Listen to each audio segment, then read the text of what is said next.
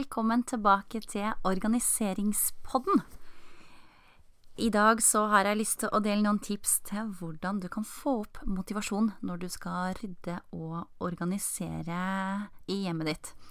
Vi har vel alle kjent på det innimellom at uh, vi skal gå i gang med et uh, ryddeprosjekt. Vi har kanskje utsatt det i lang tid og klarer rett og slett ikke å komme i gang. Og det kan jo være flere grunner til det, men ofte handler det om at vi føler oss overvelda.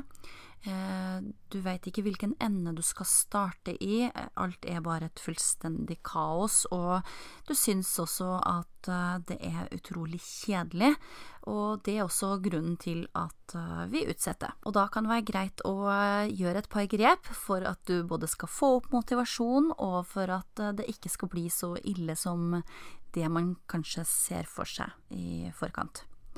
Tips nummer én gjør det til en hyggelig greie. Det vil si at uh, du har jo kanskje utsatt en stund, og det er for at du syns at det er kjedelig, som sagt.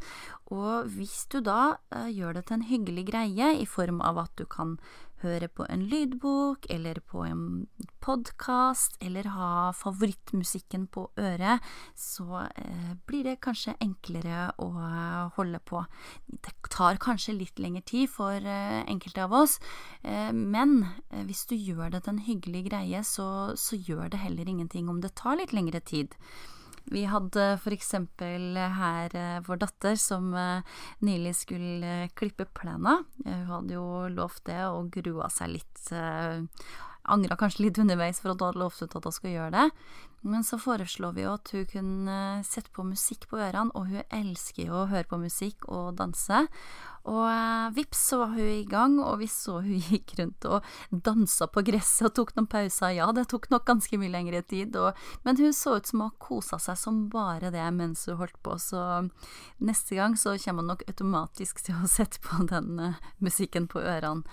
Uh, jeg liker å høre på podkaster og på lydbøker når jeg holder på. Alt av um, organiseringsprosjekter jeg gjør hjemme, eh, eller hvis jeg skal også brette klær og sånne ting. Det, det, tar Jeg vet ikke om det trenger å nødvendigvis uh, ta eh, lengre tid alltid, men eh, jeg koser meg mye mer når jeg gjør det, fordi da hører jeg på noe hyggelig. Så jeg anbefaler at du tester ut akkurat den tingen, så blir det kanskje lettere for deg å komme i gang. Tips nummer to ta små steg. Og det er jo da hvis du har eh, store prosjekter du skal gjennom, si hvis du har um, boden. Det kan være at den er ganske overfylt, og da er jo det demotiverende i seg sjøl. Men um, del opp i mindre deler. Si til deg sjøl at ja, du skal jobbe bare med den ene lille delen, eller du skal jobbe i kun 15 minutter. Uh, så er du i gang, i hvert fall. Eh, det er mye mer motiverende når du vet at du har bare en liten del å jobbe med, eller bare en kort stund du skal jobbe med det. Men det som er trikset, er rett og slett at når du først kommer i gang, så er du i siget, og da tar du like greit 15 minutter til, eller plutselig har det gått en time. Så det er en, også en fin måte å få opp motivasjonen på, og bare lure seg sjøl litt til å tro at det, du ikke skal holde på så lenge som det egentlig kanskje etter hvert tar. Det tredje og siste tipset, det er belønn deg sjøl. Og det er et uh, veldig viktig punkt, tenker jeg, fordi at uh, du jobber hardt, du fortjener rett og slett en liten belønning etterpå. Og hvis du setter belønningen i forkant Hvis du sier til deg sjøl at uh, nå skal du jobbe en uh, halvtime eller en time, alt ettersom uh, hva du sjøl orker, men jeg vil anbefale at du tar en pause i hvert fall hver time, så kan du gi deg sjøl en belønning når du har gått en, et den timen. For eksempel, eh, når du har jobba i én time, så skal du sette deg ned og kose deg med en is.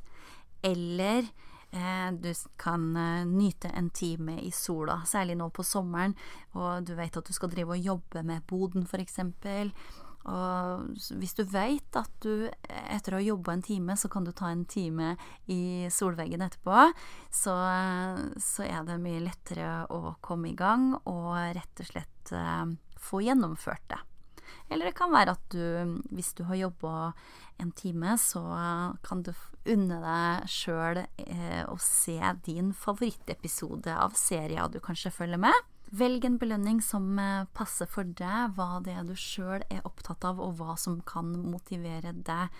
Og eh, setter du som sagt belønninga i forkant før du starter med ryddeprosjektet ditt, så er det lettere å komme i gang når du veit at den gulrota lukker i enden av, uh, av prosjektet.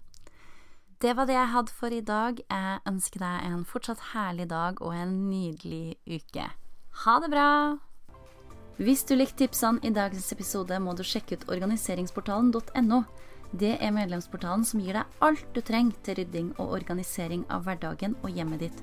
Her får du alt av sjekklister til nedlastning, kalendere, nytt månedlig innhold, steg for steg lydfiler til hvert rom og videopresentasjoner med oppskrifter til hvordan du går fram for å få et varig ryddig og organisert hjem. Du får massevis av tips til hvordan du kan organisere, oppbevare og lagre tingene dine, i tillegg til at du får hjelp til å organisere og strukturere hverdagen. Jeg holder ukentlige livesendinger i Facebook-gruppa hvor du kan stille spørsmål til alt det du måtte lure på. Mitt mål er at du òg skal få et ryddig og organisert hjem, sånn at du blir mer effektiv og får frigjort mer tid til deg selv og det som betyr noe for deg. Derfor tilbyr jeg også personlig coaching for at du skal oppnå dine drømmer. Organiseringsportalen.no er stedet hvor jeg kan hjelpe deg til å oppnå nettopp det. Så sjekk det ut organiseringsportalen.no.